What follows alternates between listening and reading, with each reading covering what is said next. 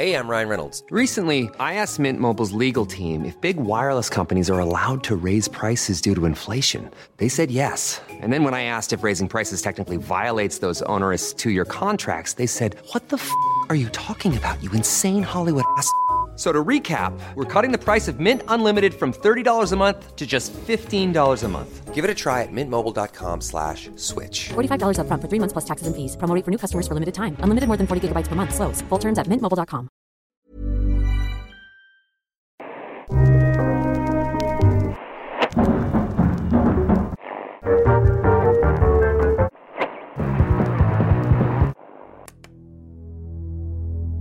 Hast du etwas Zeit für mich, dann singe ich ein Lied für dich. Von 99 Luftballons auf ihrem Weg zum Horizont. Denkst du vielleicht gerade an mich, dann singe ich ein Lied für dich. Von 99 Luftballons und dass sowas von sowas kommt. Hast du etwas Zeit für mich? Singe ich ein Lied für dich von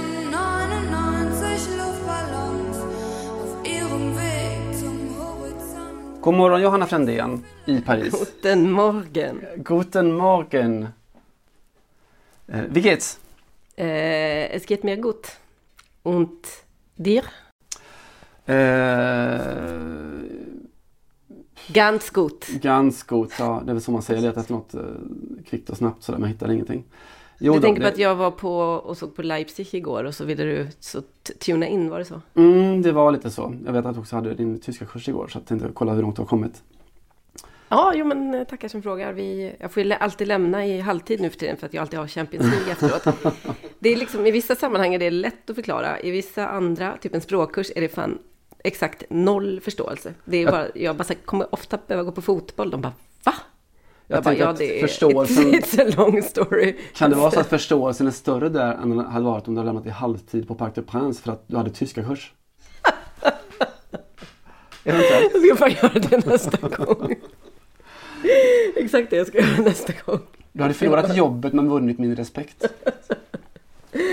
Ja, nej, det är verkligen inte så. Det är inget så. Men jag, min lärare önskade mig Goter Spiel igår. Trevlig match. Så det var? Bön match. Ja, Ja. fint. Ja, förlåt. Lena var ju där, hörde jag, lång väg. Ja, det var det faktiskt. Mm. Eh, och varför kör vi Nena? Jo, jag, vi kastar oss rakt Nena in. heter hon ja, förlåt. Ja, gud, så- alltså du sa Lena kanske? Ja, det gjorde jag. Nena var det ju. Ja, det heter rätt. Eh, jo, jag inledde med Nena på grund av, eller tack vare att eh, det var ju VM förra veckan. Jag tänkte mest kolla sådär eh, mitt i alla tyska kurser så om du, om du hade tid över att se VM-finalen. Ah, jag måste bara tänka då, kan det varit VM i tysk grammatik? Eh, jag tänker att det här är exakt så långt ifrån det som du kan komma. Okej. Är VM i t- tyskt öldrickande. Ja, jag... Ja. definitivt närmare. Ja, okej. Det, var, det var ju VM i ballong va? Ja, i ballong. Första ballong-VMet avgjordes i helgen. Jaha, okej. Eh, har du hängt med? Nej, gud nej. Det hade varit, det, det är ju en jävla historisk klassisk idrott. Eh, luftballongflygningen. Men Ja. nej, den är och också tänker jag inte så jävla nära öldrickningsgrejen. Hoppas jag i alla fall. Nej, okej, det här är mer heliumballong då?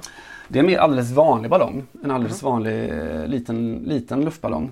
Eh, partyballong eller vad fan man nu säger. Jag vet inte vad, vad den officiella titeln eller benämningen är. Nej. En sån ballong som du köper och på ICA och blåser upp. Eller på Monoprix eller vad det nu är. Ja, en ballong. En ballong, Ja, precis. jag, för, jag, för, I'm with you så att säga. Ich, bin mit dir.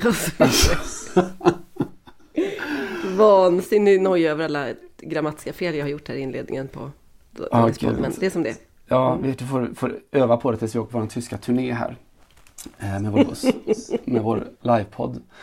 Düsseldorf när vi ska prata ballonger. ja, Nena ja. inleder. Kanske vi kan, kan vi, tror vi kan ge henne ett fett gage så hon kan eh, sköta introt då varje gång. Alltså det tror jag är lätt att vi kan. Mm. Landar snart i Düsseldorf. Also, es gibt keine Lena Live-Show ohne die Luftballons.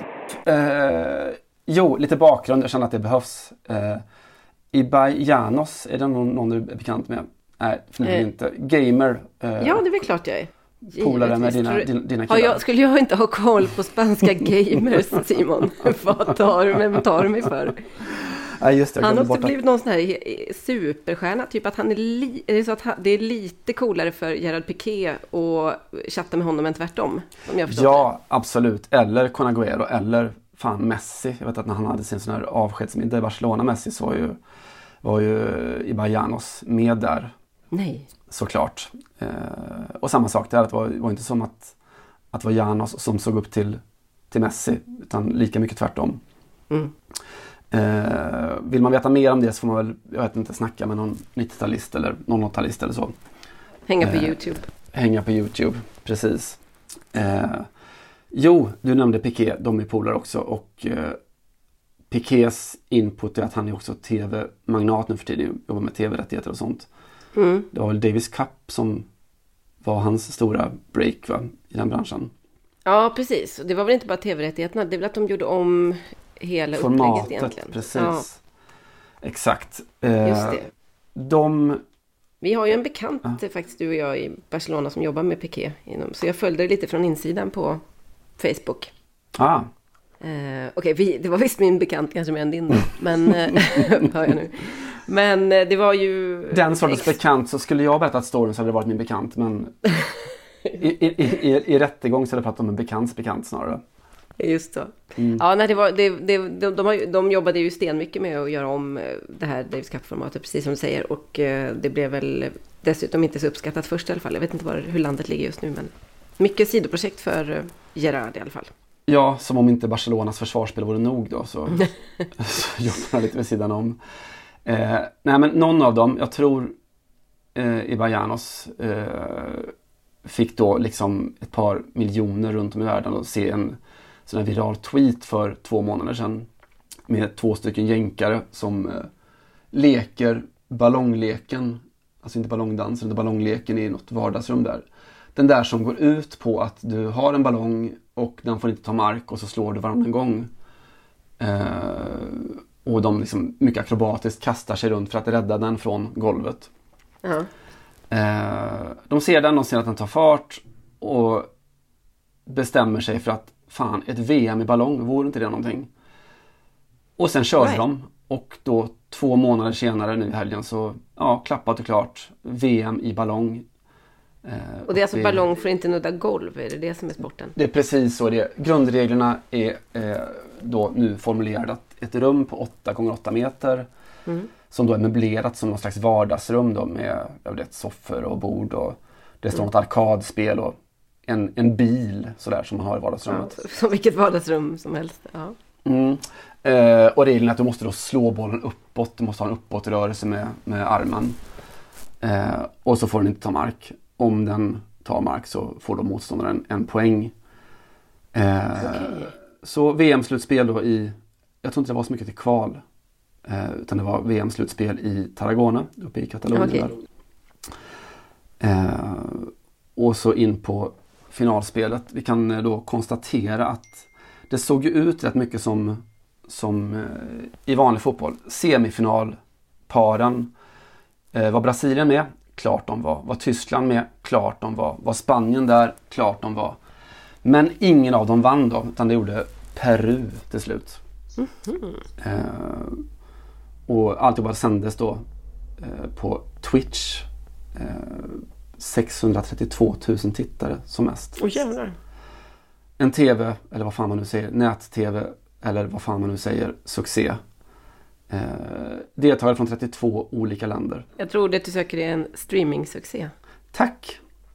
Vad, he- vad, heter det, vad heter det på tyska? Nät-tv. Ja, du är lite äldre än min pappa just nu Simon. Ja men vad heter det på tyska?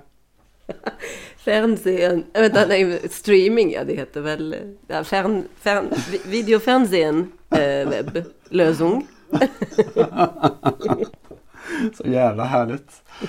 Eh, du undrar ju då såklart eftersom du missade alltihopa hur hur fan det gick för Sverige. Ja och nej, men okej. Ja, visst. Empieza el turno de los partidos picantes de la tarde. Suecia-Marruecos. Ja. Eh, Niklas Hallbäck representerar ju Sverige som bekant. Ahí entra el sueco. El representante Alfredo con más edad del torneo, 41 años. Aquí le tenemos efectivamente al sueco Niklas Hallback. Ja. Som eh, du eventuellt också stött på. Han kan nog vara en sån här bekants bekant i Barcelona. För han har då bland annat jobbat som någon slags dryckesmanager på W. Jaha, Mm. se där. Alltså skyskrape lyxhotellet nere i, är det Barcelona heter va? Mm, ja, precis. Här har man ju sänkt en och annan, eh, ja, inte vet jag, cocktail. En och annan katalan. Eventuellt. Eh, han jobbar numera på Bacardi har jag läst mig till. Och då fick då förtroendet att, representera Sverige. Och det borde han ju inte fått va? Nej, Den jävla olyckan. Eh, går upp mot Yahya El Hadjouji som inte är någon, någon superballongspelare. Marockanen. Eh, och det Hallbäck gör eh, att han släpper in 1-0 efter ett par sekunder. Helt uselt försvarsspel. Efter 15 sekunder, om man spelar två minuter i effektiv tid. Efter 15 sekunder så ligger Sverige under med 3-0. Efter en halv minut så ligger de med 4-0. hur är det möjligt? Nej, hur fan är det möjligt? Eh, svag uppvärmning av eh, Bacardi Hallbäck. Mm. Eh, och sen kommer vi ju då upp till, han går upp till 3-4. Man får såna otroliga Hamrén-vibbar. Eh, Olympiastadion, Berlin, W. allt det där. Var spelas det här? här. Förlåt? Var spelas? Var är vi någonstans? Ja, Tarragona. Tarragona är precis vad vi är. Mm. Eh, men sen så åker han på då, så här tungt VAR-beslut på slutet då. Eh, där marockanen får sitt 6-3 poäng och så, sen är det slut då. Eh, detta satans VAR som förstör sporten. Eh, Ja, verkligen. VAR och Hallbäck. La vida es una mierda. Joder. Dios mío. Men du, får jag fråga, är det någon form av tennis? Vad, vad, vad 6-3? Nej, fast i reda bollar då, inte i Ja, nej det är, ten- det är ju tennissiffror som, som ni sportjournalister skulle säga. Men nej, det, kan, det kan bli precis vad fan som helst. Det kan bli 10-1 eller 1-0 och så. Eh, det var ju lite olika karaktär på matcherna. Vissa var väldigt defensiva matcher och andra var, var det bra fart i. Ja. Men eh, svagt, ut direkt, skam för Hallbäck. Eh, Ja, verkligen. Nästa VM får vi skicka Jerry Hallbäck istället. Tänker jag. Men när man kollar på det här och det som jag tror att folk fastnar för, eh, både med originaltweeten där och i själva VM-arrangemanget, är ju, det är att det är kul liksom. Att det finns en slags lekfullhet i det. Eh, som är rätt konträrt mot all annan form av modern idrott. Man kan göra det hemma. Det, det är liksom som, ja men du vet man var liten och uppfann sina egna sporter eller sina lekar. Eh, om du kan relatera. Det, det gjorde väl du också antar jag, i Lerdala? ja, ja, ja, absolut. Eh, Mm. en, en pinne i skogen och så vidare. Ja, allt det. Kottar och stenar och... Nej men jag, okej, förlåt att jag är relent. Det, så är det absolut. Det är det där som känns att det kanske inte riktigt, riktigt görs längre. Alltså det roliga är att jag, att jag inte ens uppfattade raljansen. Jag bara, ja, ja precis, pinnen Ja. i skogen. Ja, kot, kottar, ja gud vad kul man hade. så kände jag. Ja men det, det var ändå så att, ja men du vet, vad, vi har två toarullar och en pingisboll och så ja, hittar man på någonting. Mm. Kommer Så. du ihåg när vi vid något tillfälle, lite senare i livet, kanske när vi jobbade i Stockholm båda två och spelade rundpingis i Johanna Garås gemensamhetsutrymme där. Ja gud ja. Och det var mycket att spela med, man fick ta vilka liksom, de tillhyggen som fanns. Typ Oh ja, en stol. bokryggar Ja. och sådär. En Ja. stol var det aldrig någon som spelade med Simon.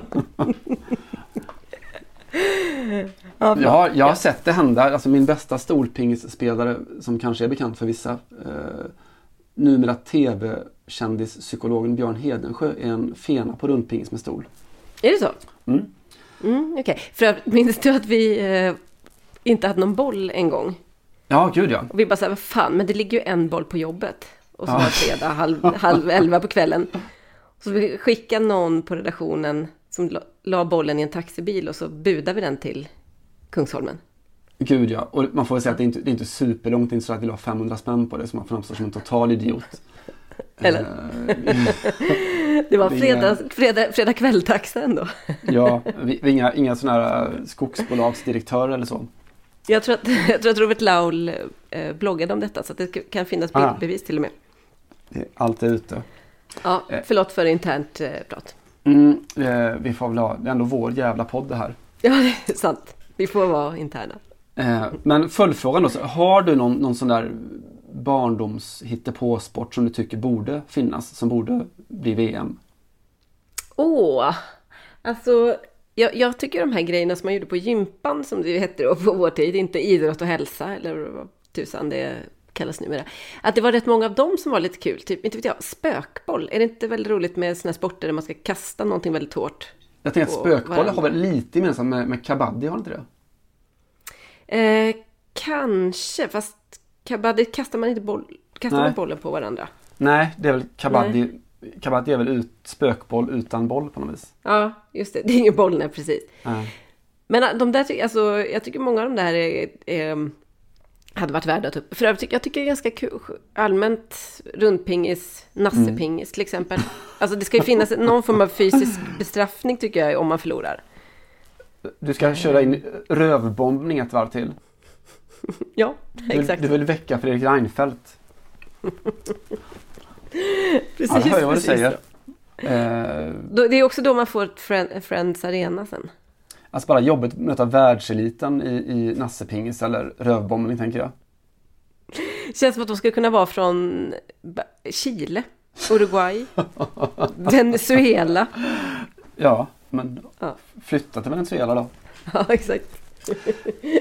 Eh, mitt, mitt förslag är Mm. Eh, barndomens, vi körde gris och alltså inte så här jongleringsgris som kanske fler är bekanta med utan vår form av gris var det fanns ett gammalt träplank, skottplank, bollplank i, eh, på någon liten gräsplan i, i Kina nere vid Viskan. Eh, och med reglerna om en, en boll, en turordning, man kanske var sådär Ett, ett folk. fem, sex stycken.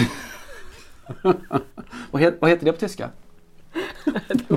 Vad får man inte säga? Det är, det är så hets mot folkgrupp eh, eh, kategoriserat. Ja, vi får också hålla oss på tå för jag har faktiskt anställt en, eh, en kille som, eller ja, kille och kille, han är så affärsjurist och civ- civilekonom som ska hålla en internutredning bland poddens anställda. Ja, du ser. Jackie, varningen. Jackie Arklöv heter han. Eh, Det, var, det är bullet, Bulletin har också tagit in honom tror jag. Han ska väl vara poddansvarig där va? sant. Ja. Eh, Där men- och fot, Bulletin och Fotboll Radikal. Just det, Bullet En logisk head. utveckling. Mm. Eh, jo, reglerna med, med turordningen så man skjuter bollen mot planket eh, i tur och ordning och bollen måste vara i rörelse. Och så skjuter man då tills någon inte hinner upp bollen eller träffar planket. Och den Mm. som missar får en, en bokstav då. G förslagsvis först då. Just det. Mm. Och har du fått gris så är du ute. Just det. Eh, hysteriskt roligt. Mm. Eh, minns speciellt om en stor värmegång när vi kanske var då hela, hela truppen, kanske 15 stycken 11-åringar eller så som, som körde gris eh, till då Alltså det man åkte ut på var Jag är en urusel grisspelare. Det var så många prickar man kunde få då. Oj, ja. Mm, tog, tog ett par timmar att spela klart och så till slut så fanns det liksom en, en som vann och då som fick gratis pizza med läsk på pizzeria Skorpion på, på Duvgatan i Kinna. Ja. Eh, skulle lätt kunna bli ett VM, tänker jag. Ja, verkligen. Gud vad bra. Mm. Så spökboll och gris då? Det är våra förslag till Piqué. Ja. Eh, han kan ju få rota lite i formatet om det nu är hans grej, om han gärna vill ändra om. Ja, lite grann. Ja. Och- och- Du får fria händer, Piqué.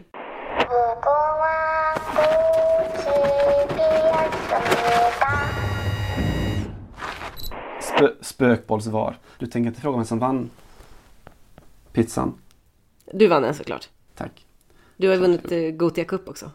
Sant. Riktigt Sant. sjukt. Vet att jag igår åt, åt lunch på en, eh, mitt stamhak här i förorten. Då satt en kille bredvid som skulle söka till eh, ENA, alltså den finaste franska elitskolan. Det ligger ett stort sånt, eh, vad ska man säga, eh, examenssal precis där Mm. jag bor. Så väldigt många, när man säger vilken pendeltågstation det är så har många, får många sådana här tentaångest för att de har varit där och skrivit tentor. och han skulle söka in till Lena och han sa också, jag har varit i Göteborg och spelat fotboll när jag var liten. Jaha, Gothia Cup. Ja! Ah. Mm. Han hade inte vunnit. Så är det. Det förenar världen. Ja, verkligen. Mm. Eh, ja, det är vad jag har gjort i helgen. Ja, jag hör det. Du har tänkt ut nya bollsporter. Mm. Nya förne- förnedringssporter. Ja, eftersom den gamla är trasig. Rövbombningar. Mm. Så är det. Så Mm. är det. Mm. Eh, vad, vad, vad, har, vad har du på... Vilken sport tror du Wanda Nara skulle passa bäst att utöva? Eh, någon form av, jag vet inte, rövbombning är väl det de sysslar med för närvarande, inte det? Alltså när vi, till klassiska, när vi spelar in det här onsdag morgon så har eh, Wanda Nara, alltså Mauri Cardis, eh, i alla fall rent eh, än så länge officiellt eller eh, vad ska man säga, på pappret fru, eh, just konfronterats med en uppdatering av Icardi där han skriver Tack älskling för att du tar mig tillbaka i ditt liv. Eh, Jag vet inte om du har sett detta, men eh, det har ju varit, det här har ju varit en pågående såpa i två, tre dygn nu. Där Mm. eh, Vanda eh, anklagar Icardi för otrohet med en argentinsk sångerska är det väl? Den, den, lilla, ho, den lilla horan som hon kallar den. Just det. Förlåt, ja det här är inte så roligt men Esta putita. I, ibland är fotbollen en hora, som bekant. Ja, det kan man ju säga. Ibland är fotbollen en argentinsk hora.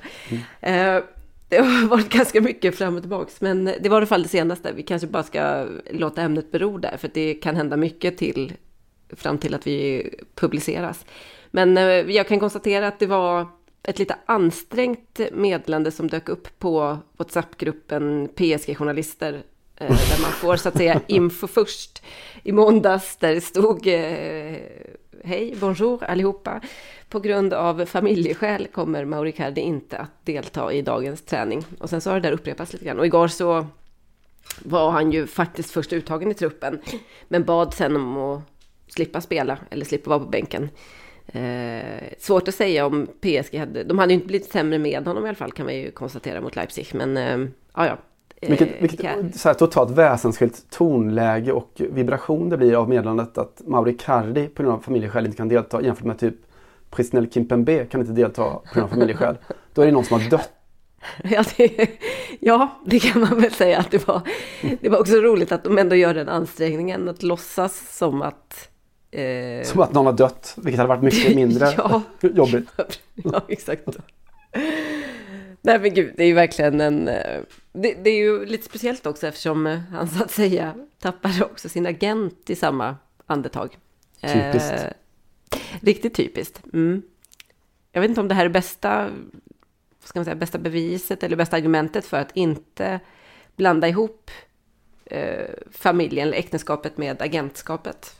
Det är mindre romantik. Jag tänker på eh, fyra bröllop och en beg- begravning när den här äldre intagan, imposante, eh, homosexuella killen Mm. går bort och hans älskare, hans okände då, älskare och livspartner håller talet. Du vet den här You were my north, my south, my east and my west.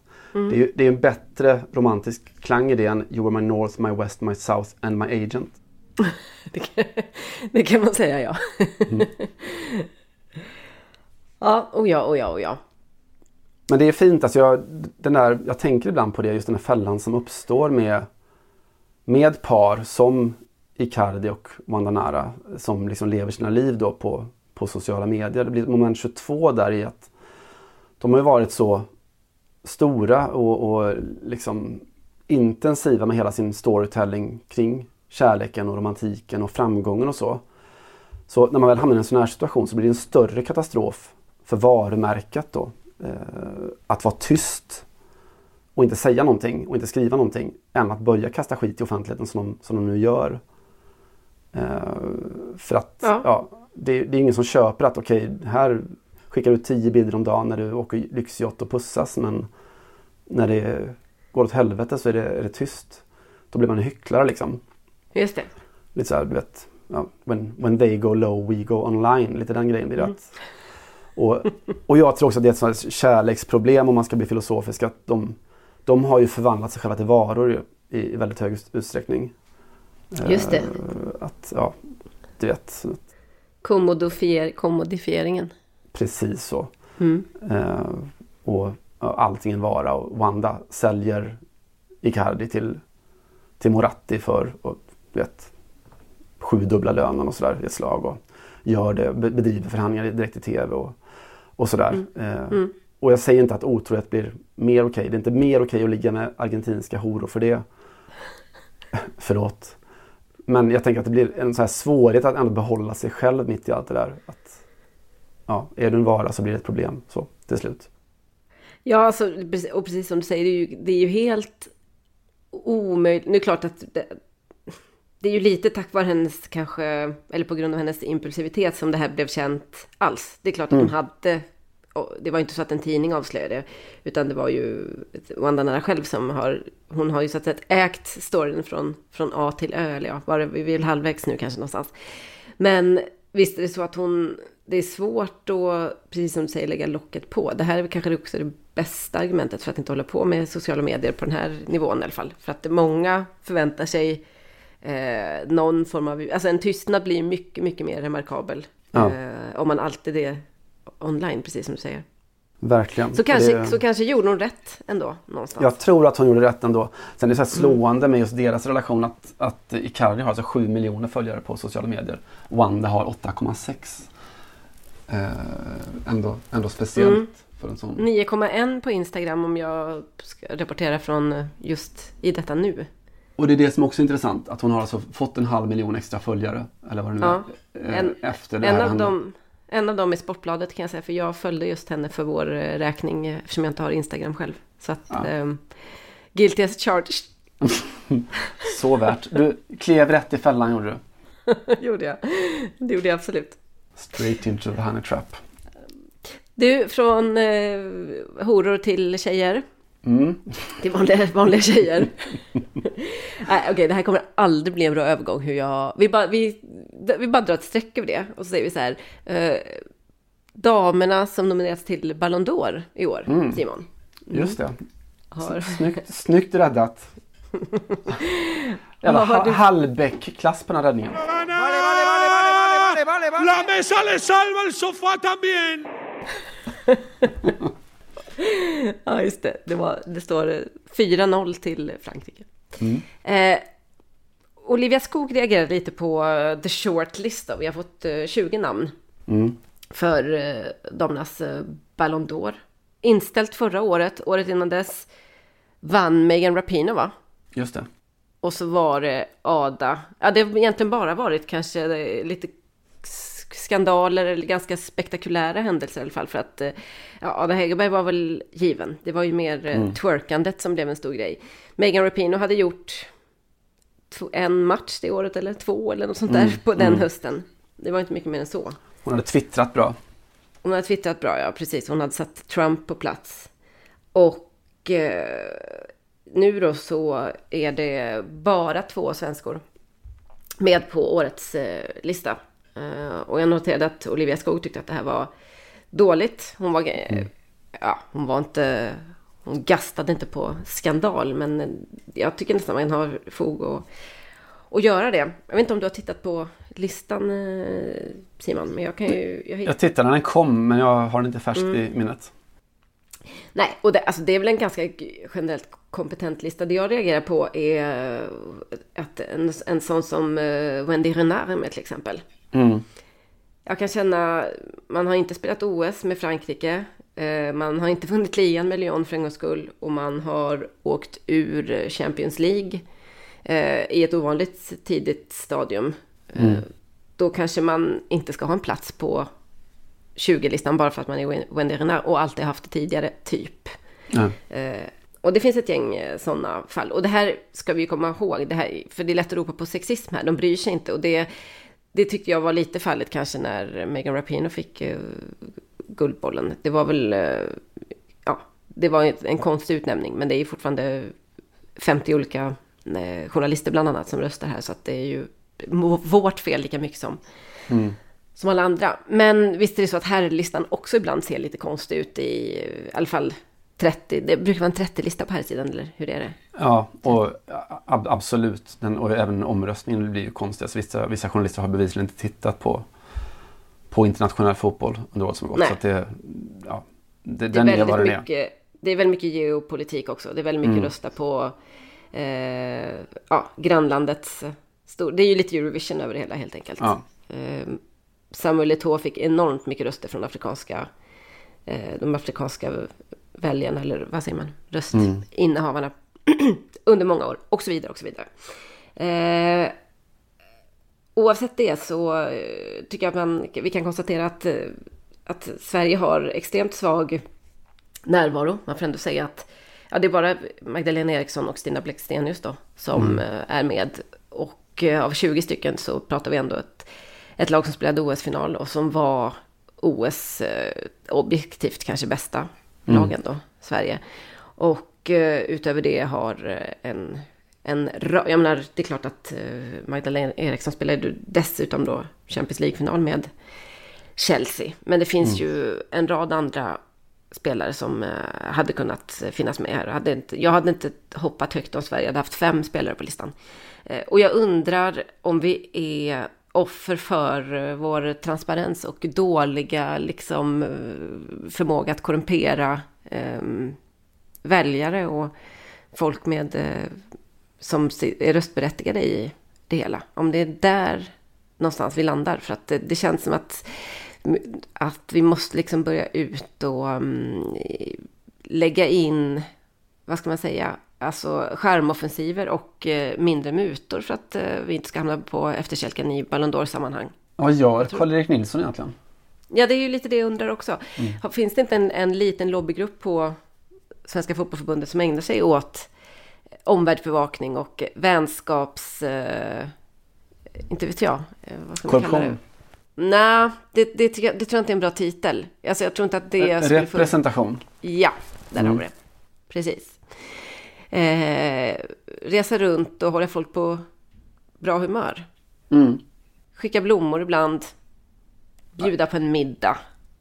Jag tror att också, eftersom journalister till exempel har, har en stor makt i just Ballon d'Or så varför inte skicka ihop ett nyhetsbrev som går ut varje vecka till hela listan med här är Ja. svenskarna som gjort bra ifrån sig i veckan. Ja men, klipp. ja, men alltså, det, alltså, det är på riktigt inte ett eh, dåligt förslag. Alltså någonstans måste man ändå också tänka att vi fort, befinner oss fortfarande i en sits där det inte är helt lätt att ha översikt över alla de här spelarna. De, alltså vi, vi vet att nu, nu är det lite enklare att titta på till exempel damernas Champions League. Eh, för det går faktiskt att se på YouTube i år till exempel. Men många av de här eh, inhemska ligorna är inte helt lätta att följa. Jag lovar att ganska många av de här journalisterna och även andra som, som röstar, alltså lagkaptener och, och eh, förbundskaptener, inte har möjlighet att göra det. Och eh, vi vet att det är nästan omöjligt att följa eh, någon som till exempel Samantha Mewis som spelar för Kanada och North Carolina Courage. Vad har vi att säga om henne? Jag tror inte att hon förtjänar att vara på listan, men jag kan absolut inte eh, motivera det på något sätt, för jag följer väl för fan inte North Carolina Nej. Courage eh, mitt i natten. Och det är väl också ett moment 22. Alltså, tycker man då att ja, men, vi borde vänta till alla har bättre koll på, på, på kvinnors fotboll innan vi sätter upp en Ballon d'Or. Nej, men Ballon d'Or är också ett sätt att ge människor bättre koll på och upp, uppdatera och uppgradera det så att folk faktiskt börjar Absolut. bry sig mer. Ja, ja, ja. Och jag tycker inte att, jag, jag tycker absolut att det, jag tycker, jag tycker på riktigt att Sverige borde sätta ihop, du har helt rätt, ett nyhetsbrev. Det är ju en supergrej. Och eh, liksom hoppa på tåget. Jag tror bara att vi måste inse att eh, det går nu, så att säga. Och eh, det här är ett guldläge att eh, få folk med sig. Mm. Varsågoda för tips, Svenska Fotbollförbundet. Där har ni Vem ska vinna tycker du förresten? Eh, alltså jag är ju svag för Jennifer Hermoso i Barcelona. Mm. Eh, Barcelona ligger Ja. väl bra till tänker jag. Eh, ja, Putellas också, alltså de tog Ja, ändå trippen. De vann väl Ja, cup, precis. ja, cupen också precis. Jo men det såg jag ju faktiskt att de gjorde. Eller när de gjorde. Putellas är väl precis, verkar ju vara kanske den som har lägst odds eh, någonstans. Mm. Jag kollar igenom, eh, bra fråga, jag har faktiskt inte utsett någon eh, favorit. Men, ehm, ja, jag vet inte, jag tycker i alla fall det, det inte ska någon eh, Lyon-spelare vara med och tävla om det här i alla fall. Nej, jag tänker gå emot allt jag står för och tänker och tycker att en Arsenal-spelare förtjänar priset. Jag tycker. Viv- Vivian Miedema, eh, Mm. inte så mycket titlar och, och, och, och rattla runt med men herregud vad bra hon är. Rattle around. Rattle around. Eh, Sam Kerr skulle kunna vara en... mm. Ja. Hon kanske haft bättre säsonger. Ja, eventuellt. Men också lite sådär, alltså inte lång och trogen tjänst men det är klart att det skulle vara, det skulle vara lite, lite coolt. Mm. Eh, det, det finns något fint med någon som, som står ganska solitära i, i sitt, sitt land. Mm. Eh, Så jag, jag skulle inte opponera mig mot Sam Kerr heller. Nej. Ja, ja. Hey everyone, I've been on the go recently Phoenix, Kansas City, Chicago. If you're like me and have a home but aren't always at home, you have an Airbnb. Hosting your home or a spare room is a very practical side hustle. If you live in a big game town, you can Airbnb your place for fans to stay in. Your home might be worth more than you think. Find out how much at airbnb.com/slash host.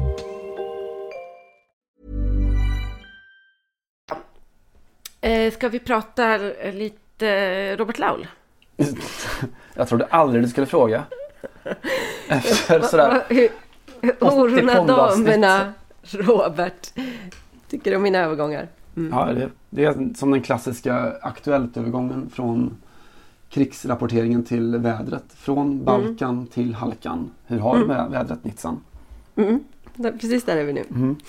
Ehm, jag vet inte om du noterade att eh, Robert Laul lämnade oss eh, yrkesmässigt, eller professionellt i alla fall, häromdagen. Det kanske Jobb, jobbig konstpaus. numera verksam på Göteborgs-Posten. Det var tj- 20 år på Sportbladet var nämligen bara uppvärmning för det riktiga uppdraget som han eh, sa då. Eh, och, eh, men Robert skrev igår en eh, text som jag faktiskt förekommer lite grann i, men som föregicks av en diskussion vi hade. Och eh, som i sin tur börjar i eh, våran eh, Patrik Brännings eh, intervju med Fredrik Backman, eh, författaren Fredrik Backman, som under ganska, ganska uppmärksammade omständigheter eh, har liksom avdesavouerat sitt favoritlag Manchester United. Alltså hoppat av supportertåget där, laget som var halva hans liv får man en känsla av i alla fall om man har följt honom i sociala medier. Eh, varför då? Jo, för att det var, resonerar Backman, det är för svårt att ha överseende med hur man har hanterat eh, Ronaldo, Cristiano Ronaldo-historien och våldtäktsanklagelserna.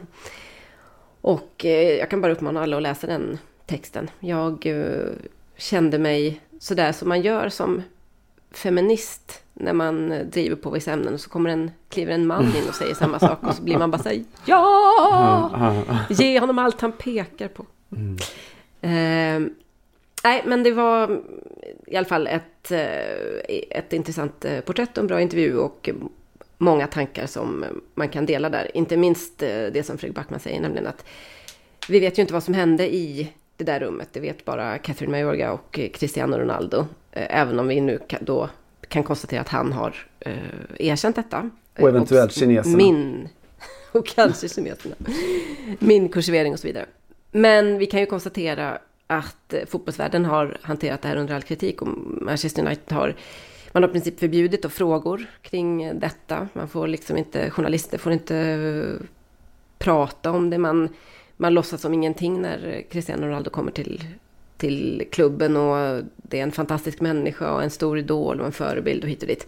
Eh, för en klubb som i övrigt då jobbar bland annat mot eh, sexualiserat våld mot kvinnor, om jag förstått det hela rätt. Eh, och detta eh, sammantaget gjorde att Fredrik Backman har... Jag kände att det gick inte, gick inte riktigt längre.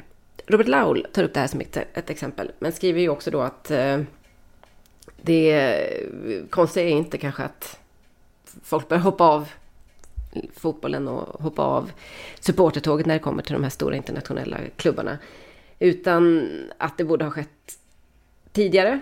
Eh, det konstiga är inte att han gör det nu, utan att det dröjde så länge, skriver Robert. Och Eh, resonerade lite kring detta då, där han skriver att eh, grundproblemet är inte Manchester Uniteds hantering av frågan, eller för den delen Juventus tidigare, eller ens Ronaldo själv. Affären, affären hanteras som av vilket vinstdrivande bolag som helst, där avkastning är viktigast för ägarna. Grundproblemet är att svensken Fredrik Backman är supporter till just precis exakt den här delen av den världsomspännande fotbollsrörelsen. Först nu tycks det ha gått upp för Backman vad han faktiskt är supporter till. Eh, och så skriver Robert att han för drygt tio år sedan började fundera på uh, hela den här karusellen då när Roman Abramovic köpte Chelsea. Det är väl mer än tio år sedan va? Ja, 2003 tror jag. Ja, just det. Ja, drygt tio år sedan. Mm. Eh, och eh, konstaterar då lite att samma sak har hänt i flera av de här klubbarna. United ägs av eh, Glazer-familjen då sedan 2005 och så vidare och så vidare. Och Robert slutar, slutade titta och rapportera om internationell klubblagsfotboll. Detta talar han ju gärna och mycket om. Mm. Men eh, jag tycker att det är, kan vara värt att faktiskt ta upp den här diskussionen igen. Vad är det som gör eh, att eh, vi följer den internationella fotbollen och inte den lokala? Och jag tycker, jag har en helt annan ingång i detta, för jag är uppvuxen i en familj där man där det är liksom Premier League som är det stora och mm. de allsvenska klubbarna eh, som man eventuellt håller på är, är klappa hjärtat mycket, mycket svagare för. Eh, och jag vill påstå att du har lite samma bakgrund egentligen. Och då undrar jag, är det tid att ändra på detta Simon? Eh, ja, alltså jag tror absolut att det kommer bli någon sorts differentiering i, i liksom valt supporterskap och så. Jag tror att det, det föds någon slags medvetenhet att det finns ju en den grunden som finns idag på ett medvetet sätt om att ja, support local team och närheten och det är 51 procent. Alltså det svenska supportrarna som har fått kämpa och organisera sig och bli, jag brukar säga mogna och vuxna och så. Jag tror att det kommer också påverka, alltså när den generationen får, får sina barn och, eh, och sådär. Så är du 12 år idag och har en, en pappa som går på Malmö FF så, så får du mer i att det finns den här dimensionen och absolut, vi kan titta på Champions League om du vill men men det här är någonting annat och det här är någonting mer värdefullt. Och, och jag tror att det där bara fanns när, när jag och du var små. Att, ja, mm. man, man, gick och tittade på, på Elfsborg eller på Halmstad eller vad det nu kunde vara. Eh, för att det bara fanns. Eh, för att det var inte hotat utan det, bara, det var en historisk, ett faktum. Eh, och idag, en bit in på 2000-talet, så vet vi om att det här är en, en hotad tillvaro. Och, och då tror jag att, att det där som bara skedde naturligt då kanske blir, mer blir ett medvetet val. Vilket mm. såklart inte betyder att alla kommer att välja att hålla på Halmstad BK. Men att... Framförallt inte jag kanske. kanske inte. Jo men gå dit vet, till, till Falcon alkoholfri arena och allt det där. Eh, så jag, jag, tror att medvetna supportrar kommer att, att, ta med sina medvetna supporterbarn på fotboll på ett annat sätt. Och, och, och andra kanske då kommer fortsätta gå runt med Barcelona och PSG-tröjan så. Ungefär så. Det, alltså jag, jag tycker liksom mer att man tänker på hur eh, världen ser ut och hur fotbollen ser ut nu och så. så och kanske också det faktum att... Eh, ja, men för det finns ju egentligen två perspektiv på det skulle man kunna säga. Och det ena är ju det som vi ganska ofta pratar om. Att fotboll och supportskap får ju den betydelse som man ger mm. det på något sätt. Det handlar inte om eh, det är väldigt sällan man håller på ett lag för att de spelar bäst fotboll. Det är, det är om man är först i kedjan, men alltså en generationskedja om man inte ärver ett lag. Men det vanligaste är ju såklart att folk ärver ett lag. Och eh, skillnaden är kanske eh, generationen som var halvunga när eh, Tipsextra började till exempel i, mm. i Sverige. Och alla helt plötsligt valde ett Premier League-lag. Och det där minns jag också från när man var liten. Folk valde kanske ett lag i Serie A och sådär för att det mm. var det hade inte varit riktigt... Eh, det hade inte varit så tillgängligt tidigare i Sverige. Men nu går ju internationella klubblag i arv även i Sverige får man ju säga. Den generationsväxlingen finns ju liksom igång och det blir ett, ja, det blir ett sorts arv. Och då är det klart att det är svårt och då känner man lika mycket eller mer för en eh, klubb i London än vad man gör för en, en, en klubb i kvarteret och så. Men det är ju fortfarande så att i stora fotbollsländer så håller ju alla på sin lokala klubb, om du mm. förstår vad jag menar. Mm. Det är ju mm. alltså, egentligen är det vi som är töntarna här lite grann. Mm. Jag menar, jag är ju samboende med en PSG-supporter och det, det, låter ju många svenskars öron otroligt plastigt och uh, gud vad konstigt, hur kan man hålla på dem och så. Men... Uh, det låter helt sjukt i mina öron. det låter helt sjukt, ja precis. Men han, liksom de allra flesta har ju, började ju hålla på PSG för att man är från Paris och för att det var, inte för att, men det var en skitklubb då liksom. Och det här är någonting som hänt efteråt. Så att det är lite svårt och, och då ska vi inte komma ihåg att det finns ganska många PSG-supportrar som hoppat av tåget, så att säga, eh, de senaste tio åren av eh, lätt insedda skäl, nämligen att klubben har blivit något helt annat och klubbpolitiken har blivit något helt annat och ägaren har blivit något helt andra och så vidare. Eh, det finns kanske inte så många alternativ om du är uppvuxen med Atletico Madrid eller, inte vet jag, PSG mm, eller mm. Alltså att när, när stora eh, konglomerat kommer in och, eller diktaturstater kommer in och tar över de här klubbarna så blir det konstigt att byta lag i landet. Men som svensk eller norsk eller vad du vill så kan man ju faktiskt rent teoretiskt göra som Fredrik Backman och hoppa av och bry sig lite mer om sin, eh, ja, sin närmsta hemmaklubb. Eh, och då är frågan om det kommer börja hända mer och mer. Ja, det... Sitter inte på några svar här alltså, jag bara resonerar lite. alltså jag undrar, vi har ju, alltså Newcastle är ju ett tacksamt exempel liksom. Där vi pratade om det förra veckan, att i min värld så är, så är det liksom självklart att vi kan prata är slippery slopes och... Eh, det är stopp nu? Ja, det är stopp. Eh, man får inte... Nu är det stopp, sa ju du då. Kan, nu kan man inte hålla på dem längre. Nej, det, precis. Det, mm. alltså att i det sluttande planets liksom, moraliska förfall och så med total medvetenhet om att, att eh, Tottenham eller Arsenal eller, eller ja, vad de har, Chelsea är är moraliskt bankrutt eh, om man ser till ägarkonstruktioner och sponsorsamarbeten och så. Så ja, vi kan i alla fall enas kring att det finns en moralisk gräns att den går ändå vid Saudiarabien. Det måste den, det måste den, måste den, måste den göra liksom. Eh, tycker jag. Men mm. sen finns det också tanken utifrån att vad gör man i Sverige om, om man ser att en klubb är på väg åt fel håll? Ja men då, då protesterar man, agerar och försöker vända den tillbaka och skicka in den i, i rätt, en hållbar riktning igen. Eh, och någonstans så är det väl, eh, jag tror att, att det även är Fredrik Backmans dröm är väl att eh, fåfäng dröm såklart, men att det ska kunna gå att påverka även företaget Manchester United att, att inse. Eh, och det är det man gör som supporter, att man markerar, man visar. Och det är så i alla fall som jag, jag själv ser på, på supporterskapet, att det minsta man kan göra i alla fall markera så tydligt man kan att det här, det här är inte, inte okej okay och så att det finns någon slags fåfäng förhoppning om att det ska kunna leda till förbättring och förändring. För att, det, att bara över natt säga upp ett supporterskap, då, då krävs det ganska mycket. Då krävs det nästan Saudiarabien, tänker jag. Mm. Eh, exakt. Men det verkar ju inte vara, alltså det verkar inte vara den allmänna känslan i Newcastle. Där är det mer som att mm. de är nästan lite stöddiga över att de fick den riktiga skurken. Eh, mm. ja. För de har så jävla mycket pengar. Vad är Qatar ja. i jämförelse och så vidare. Mm.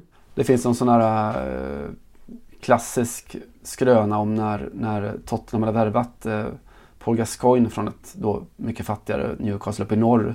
Och de åker upp och möter Newcastle på St. James's och att då Tottenhams övre medelklass och överklass-supportrar står på läktaren och svänger pundbuntar runt sig och sjunger We're fucking loaded, we're fucking loaded. Mm. Eh, Newcastle skulle ju kunna göra, eller gör väl säkert, precis samma sak nu då. När de mm. helt plötsligt är, rikast och bäst i världen. Då. Mm. Mm. Uh. Ja, jag vet inte. Jag eh, lyfter frågan som vi brukar eh, säga i den här podden. För jag tycker att det börjar bli... Jag, jag tyckte... Robert har ju, har ju drivit på det här tidigare. Han har lyft frågan tidigare. Och jag mm. har inte känt någon gång tidigare att... Eh, ah, vad, vad är problemet har jag känt lite grann. Man kan väl ha både en klubb på hemmaplan och en stor klubb liksom, internationellt. Eh, vi lever mm. i en globaliserad värld och så vidare. Men eh, just i fallet, det här fallet som han tar upp och så, så tycker jag, tycker jag att han har en ganska bra poäng. Det finns i alla fall inga skäl nu. Jag menar, jag som dessutom inte har något supporterskap, men jag tänker alla, som, alla ni som, eh, som liksom, ja, lever med den här bördan. Svårt att hoppa av. Men du behöver ju inte föra Tottenham vidare till dina döttrar till exempel. Du kan ge dem mm, Elfsborg eller vad, vad kan det vara? Eller ja. Brommapojkarna får de väl? Ja, jag vet inte. Mm. jag vet inte. Nej, det är tufft. Alltså det är också, ja, du vet ju det, när, man, när jag själv fick döttrar så började man se på våldtäkt på ett helt nytt sätt till exempel.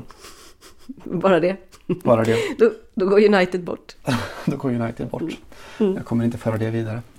Eh, och kvinnlig rösträtt och sånt där är viktigt. Ja, helt... Och kanske Saud, Saudiarabien, går Newcastle också bort. ja, det och då är det bara det. Tottenham kvar, gud vad sjukt. Ja, helt nytt. Så. Bingo. Mm, mm. Faktiskt. Fotbollny. Radikal. Eh, du, apropå eh, den globaliserade världen och eh, alltings förflackning. Eh, tycker jag att det är dags att prata lite om Mats Hummels. Mm. Eh, gillar du Mats Hummels? Ja, Mm. det gör jag spontant. Kan inte riktigt eh, säga varför. Jag tycker bara att det känns som en, en, en redig eh, person på något sätt. Man gillar väl också snygga mittbackar eh, och man gillar Ja, mittbackar som, som Det chippar upp får sina stå uppspel för och så. dig. Men okej. Mm. Mm. Förlåt för objektifiering. Eh, han börjar nu sjunga Svanesång. Karriären börjar ta slut. Och inte bara för att eh, BVB eh, kapsejsade i, i Amsterdam igår. Som de gjorde. Mm. Eh, men det skrivs väldigt mycket om Hummels i Tyskland nu då. Dels då för att eh, det går intensiva rykten. Eh, Bildt har skrivit om en kris i hans äktenskap då med Kathy, hans hustru. Mhm.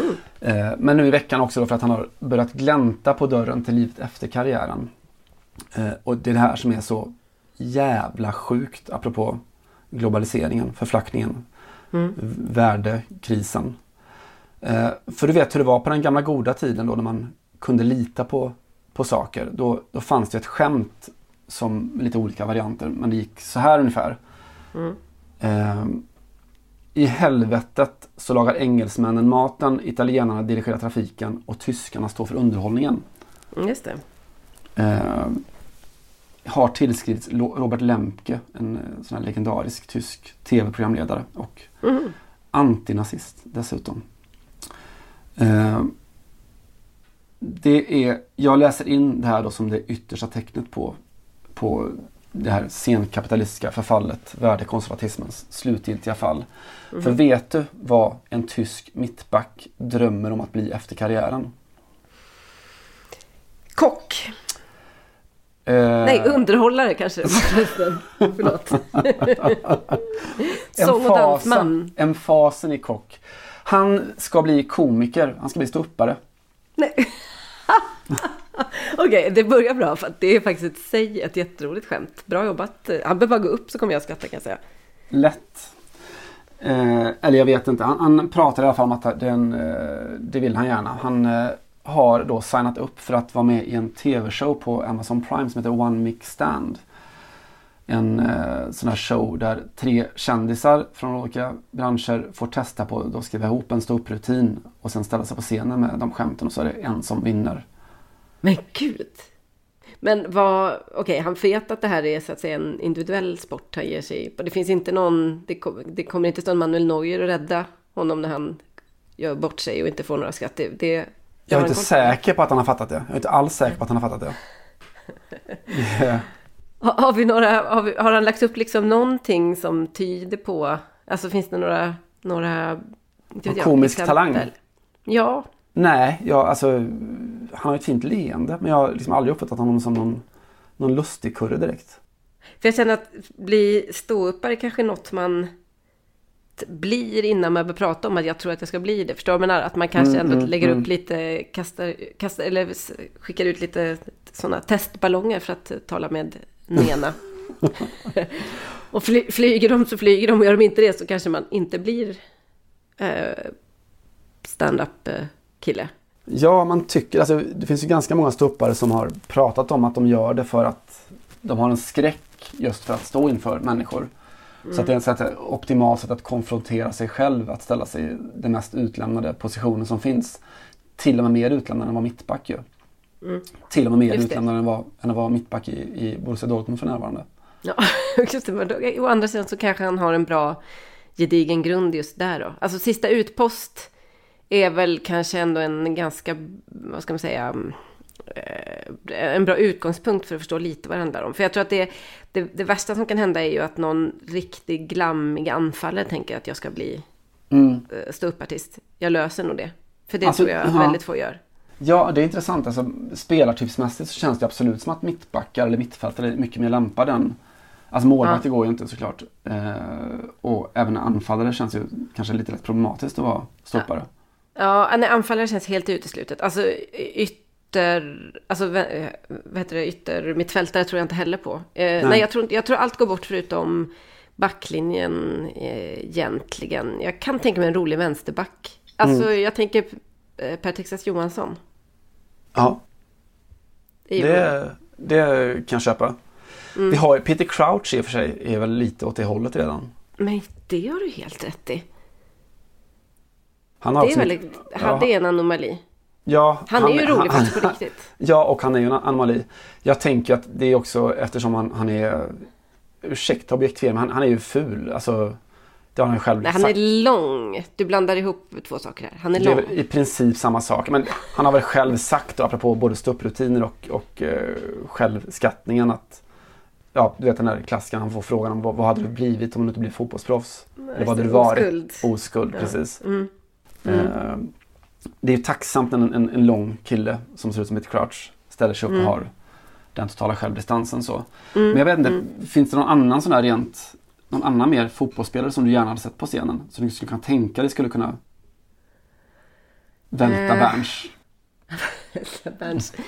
Eh, nej, men det är lite go-to kanske med John Guidetti. Eh, inte säker Mm. på att han skulle vara så där så rolig som han trillar av stolen heller. Men han skulle kunna inta scenen utan att skämmas i alla fall. Alltså, det är en, Det är en tror jag man kan början. säga. Aj, aj, aj. Fransmännen, du vet när de gjorde mål mot oss i Frankrike, de hånade lite, de letade efter bollen. Sen vi letade efter fransmännen, du vet, vad är de? Det var därför vi sprang med ögonen så här, du vet. Vi letade, vad är grabbarna? Vi, vi, vi är Sverige. Alla eller Sweden. Men det är klart, det, det, det, ska, det, ska, ju, det ska ju till en, en, en jävla distans. Det är ju det som Mm. väldigt många fotbollsspelare saknar. Och det kanske bara är Peter Crouch och en handfull till som, som har det. Och de flesta är, kommer kanske från den eran när man inte var... Man kanske var mångmiljonär, men man kanske inte var miljardär. Framförallt Mm, så kanske mm. man hade någon, en fot kvar i den liksom solida brittiska arbetarklassen. Mm. Eh, för, för det, annars tror jag det är svårt. Alltså, jag menar, Neymar kommer ju aldrig kunna göra det om du... Nej, gud nej. Förstår vad jag menar? Mauri Cardi kommer aldrig kunna göra det. Vanda, å andra Vanda, sidan. kanske. Kanske. Eh, jag tänker om man ser på de olika liksom, kategorier av komiker som finns så Megan Rapinoe hade ju kunnat gå in och köra politiska skämt. Mm. Eh, Säkert eh, ja, ganska tråkigt om du frågar mig. Kanske lite för woke eventuellt. Eller Ja. jag vet inte, hon har väl någon sorts Tourettes kanske som skulle kunna göra det kul. Eventuellt. den, den, den, jag har svårt att tro att jag skulle skratta åt henne oavbrutet i en timme. Och hon kan inte göra roliga gay- gay-skämt heller. Nej, alltså det är ju något lite problematiskt tror jag. Eller problematiskt, men det, det, det hade... De är så jävla känsliga i USA. Och Mm. de är så tro... Nej, det hade inte gått. Det tror jag inte hade gått. Jag Nej. tänker Ola Toivonen. Ja. Ja. Utifrån mimiken som finns och sen Mm. hela den sån inneboende eh, roliga skavet som finns mellan bakgrund och liv. Så. Alltså han, Mm. från, från bruksorten Degerfors till miljonerna i Australien eller så. Mm. Han hade kunnat dra ganska bra skämt om en karriär som aldrig riktigt blev, tror jag. Mm, mm. Eh, det, ja, det, den, den, den köper jag faktiskt. Fint. Och så eh, André Prière Gignac förstås. Men det förstår väl alla. Eh, och i den händelse att en, en eller två lyssnare inte skulle förstå så kanske du ska upplysa dem. Ja, nej men han, jag vet inte. Eh, Alltså husvagnsbakgrunden. Han kan dra tjockisskämt. Ja. Han kan dra kulturkrocksskämt från Mexiko. Eh, ja, om man skulle bara tycka om att se honom på scenen. Jag tror att det är bergsäkert. Ja. Bergsäkert. Ja. Eh, jag tänkte Joaquin kanske. Mm. Där finns något. Ja. Och då funderar jag, var det Joaquin som, som ammade upp i hög ålder? Kan det ha varit, var det Joaquin? Nej, det var ju eh, Bojan Kirkic vet jag ju, men Kirkic. jag undrar om inte Joaquin också hade någon sån, någon sån bakgrund. Ja, det är så, så jävla givet att du vet att Frank Kirks, det är klart jag vet att han ammade länge.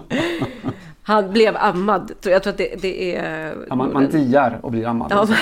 men ja, diar är, är ju... Det är ju andra däggdjur tror jag. Men eh, skitsamma. Ja, precis. Nej, jag, vet, jag kan inte riktigt ö, svara på hans eh, amningsvanor, eller vad man säger. Du, apropå, eh, Mm. tillbaka, apropå att dia och amma och så. Och Mm. apropå, vi pratade om, om Icardi och Wanda förut. Mm. Jesse Rodriguez. Mm. Eh, som du ju minns. Eh, Det Ja. är väl den näst mest uppmärksammade flickvännen i PSGs historia. ja, Eh, ja, usch, ja, nej det var ju så sorgligt för att de- han var ju el- jätteelak mot henne. Men nu är de ihop igen tror jag. Nu är de ihop igen och Ja. hon har också pratat ut i någon intervju. Alltså han bedrog henne med en av hennes kompisar till och med. Eh, och de är ihop igen. Han blev ju liksom ingenting. Spelar kanske i Las Palmas fortfarande. Tror Mm. jag. Hon har just gett en intervju och berättat att hon, det hon mest tycker om i sängen är sexleksaker. Hon har också berättat att hon och Jesse har spelat in en sexfilm ihop som kommer att släppas ganska snart. Nej men gud. Det- det Aura Ruiz heter kvinnan. Mm. Precis. Eh, jag, vet, jag kommer bara att tänka på det. Eh, Mm. Att det är den senaste stora. Eh, det var väl inte en skandal men i alla fall när det kittlade med pojkvän flickvän runt PSG. Mm. Just det. Hon var ju faktiskt det första riktiga bombnedslaget. Eh, man kan säga att hon krattade lite för, eh, för Vandanaran på något sätt. Det kan man säga. Wanda är väl Mm. kombinationen av Aura och Victoria Beckham kanske. Mm. Någonting sånt. Någonting sånt. Mm. Eh, ja, detta apropå nästan ingenting. Dia, Amma, Jesse. Eh, Mm. Stå upp. Sociala medier kanske. Mm. Fria associationer. Fria associationer. Det är så vi, Mm. det är så vi jobbar. Eh, vart går vi därifrån? Nilla Fischer hade kunnat uh, göra standup. Men gud ja, absolut. Mm. Mm. Ja, men alltså, nästan alla kvinnliga fotbollsspelare tänker jag. Mm. Ehm, utom eh, Megan Rapinoe, för det hade blivit outhärdligt. Kanske. Ja. Too, too woke. Woke Mm. to be fun. Mm. Mm. All right, ska vi göra en snabb mellanlandning i eh, Italien också? Det har jag aldrig sagt nej till. Så att säga. I Rom kanske. Eh, Claudio Lotito, Lazios illustre ordförande, eller presidente, har eh, blivit avstängd från sin eh, funktion i två månader fick han eh, till slut. Det var ett, detta är en lång, en lång historia som man säger, eh, med, vad det, med domar och överklaganden och ja, hur som helst. Det blev två månader och det blev fem månader vardera för Lazios två lagläkare som också är med i och inblandade i historien som handlar om alltså att eh, man har låtit spelare i eh, Lazio vara med i trupp, eller man har undlåtit eh, att isolera eh, covid-positiva spelare i eh, Champions League-sammanhang. Det var i ett år sedan ganska exakt, november förra året. När eh, Lazio skulle möta Zenit och eh, Brygge, Klubb Brygge. Som eh, det fanns eh, åtta spelare då i, i Lazio. Ni kanske minns det var det var ju en, en period där det var otroligt mycket mm, positiva fall i, i olika klubbar, och framförallt i italienska klubbar. Och eh, de isolerades då inte på ett korrekt sätt. Och eh, dessutom så fanns det en spelare som man in, inte, inte bara inte isolerade utan som fick vara med i truppen helt enkelt. Eh, och detta strider ju då mot eh, lagar, gissar jag. Det strider i alla fall utan tvekan mot ehm, bestämmelserna inom fotbollen, covid-protokollet. Och eh, det, det här har, ja, i en första instans så fälldes Lotito till, vad var det, tio månaders tror jag, näringsförbud. Eh, Och eh, nu, nu kom det ner på två månader som han då kunde acceptera. Eh, jag vet inte vad man ska säga om det här. Vet man någonting om Lotito så vet man att han är liksom en galaxhjärna på många sätt. jag vet inte om... om alltså, jag, jag kan säga att jag tror aldrig hört ett eh, konstigare och mer... Eh, besvärande eh, argumentationssätt eh, än det eh, Lotito använder då när han blir intervjuad av Republika i det här fallet. Eh, och skulle försvara sig. Alltså det här är ordagrant vad han sa. Men vad då? Jag förstår inte vad det betyder. Vad, var positiv? Att vara positiv är väl att man är smittsam. Till och med i alla jordens kvinnors vaginor finns det bakterier. Men de är ju inte alla patogener, eller hur? Vad, vad, vad svarar man på det? nej. nej. Ja. Jag antar att man säger nej. Alla kvinnor har inte covid i eh, mellan benen. Lotito. Men det var inte riktigt det som var fallet här. Eh, men, men det, här, det här var så att säga ett eh, av Lotitos eh, liksom mer famösa kan man säga sätt att, att motsätta sig ja, vad ska man säga, regler och lagar och ja, jag vet inte, jag känner att den här bilden inte vill lämna mig riktigt från det att jag läste Ehm, läste orden och, och, och måste, kände att jag måste dela det med dig och med våra lyssnare så att ni, ja, men så att ni förstår på vilken nivå vi befinner oss här. Det är ju alltså, också ett, ett väldigt träffande personporträtt av hela Lotitos svaghet och styrka som, som ledare och som president. Att han, alltså han, han är ju en sån här totalt larger than life karaktär. Det är sådär episka. Han, han, han går runt med fem olika mobiltelefoner och han, han gör sina utspel och, och framstår väldigt ofta som en, en uh, Karlsson på taket karaktär. Liksom blandningen mellan ja, total megalomani och, och, idioti. Och bevisligen att han också har varit framgångsrik och, och eh, kan ganska mycket saker såklart. Annars sitter du inte på den positionen eller... Ja, ja. Nej, men alltså, han har ju redan dömts tidigare till, till uh, fängelse för uh, vad det var, skum, skumma börs, börsaktiviteter som hade med Lazio att göra. Så att det är ju verkligen, jag menar, det här var väl det minsta problemet hittills i hans karriär. Men det var det mest groteska uttalandet ändå. Ja men jättebra ju för att det är ju sådär, det är väl ett, ett politikersvar fast upphöjt till tusen sådär. Att är du anklagad för någonting så pratar om någonting annat. Mm. Och, och då du tänker, ja ah, någonting annat, vad skulle det kunna mm. vara? Uh, va, va, vaginor? Då, det är i alla fall att, att skjuta upp processen. Det kommer ta ett halvår till den rättsliga processen känns som efter det.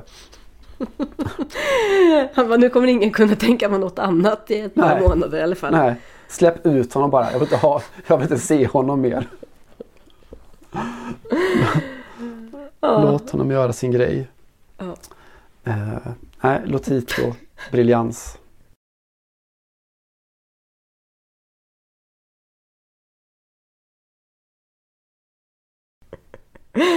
Gud, vi håller på att göra en ganska lång podd. Det bara känns också som att vi väldigt eh, disparata ämnen. Eh, ska vi hoppa vidare till Spanien och säga hej då för eh, idag? Jag tycker det. Ja, vad gör det? I, I La Liga där det i måndags genomfördes en, en, ännu en eh, protest på eh, läktaren när eh, det var när Alaves förlorade mot Bettis på hemmaplan. Och eh, supportrarna, eller ultrasgruppen, får vi säga supportergruppen, Iraultsa 1921 eh, satte upp, eller kom dit med bannern 591 dagar senare. Och fortfarande har ni inte lärt er någonting om fotboll på måndagar. Eh, för mitt i allt eh, prat om eh, Saudiarabien och bensågar och diktaturer och eh, amerikanska ägare och ryska oligarker så pågår ju också diskussionen sedan flera år i Spanien om den moderna fotbollens eller ja, fotbollens död och den moderna fotbollen som man tvingas spela på måndagar och fredagar. Det här är en stor eh, sak i Spanien. Och eh, det kan låta lite gulligt och det är det väl för all del också. Mm, att man inte får röra på liksom de här heliga lördags och söndagsmatcherna. Eh, men det är också en rättvisefråga såklart. För eh, i eh, de allra flesta fall så är det ju mindre klubbar som, som drabbas av detta.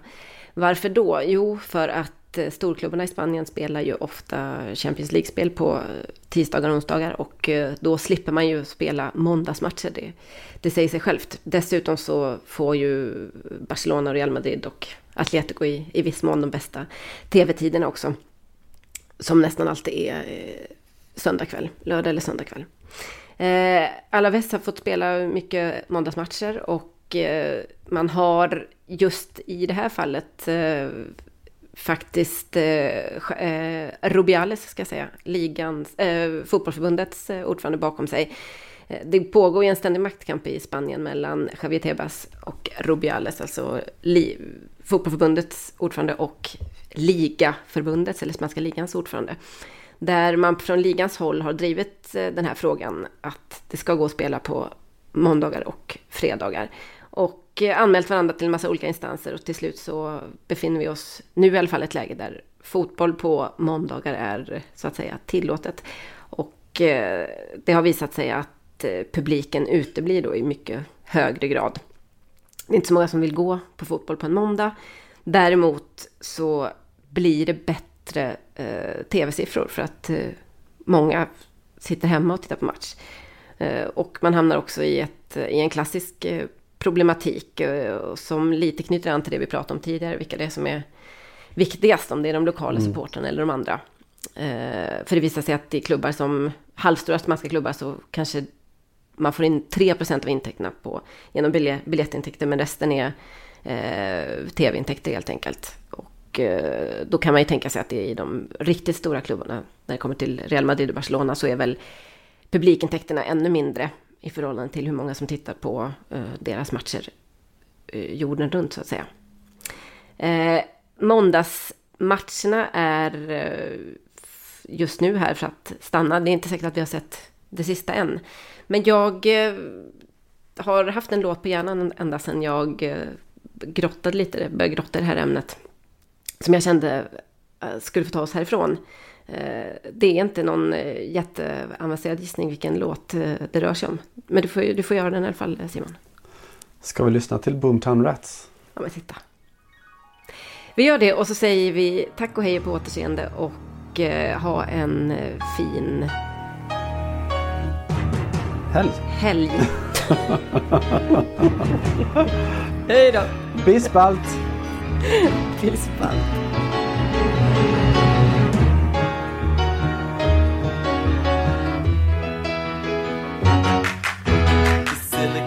Bis bald. Tills bald. Du har lyssnat på en podcast från Aftonbladet. Ansvarig utgivare är Lena K Samuelsson.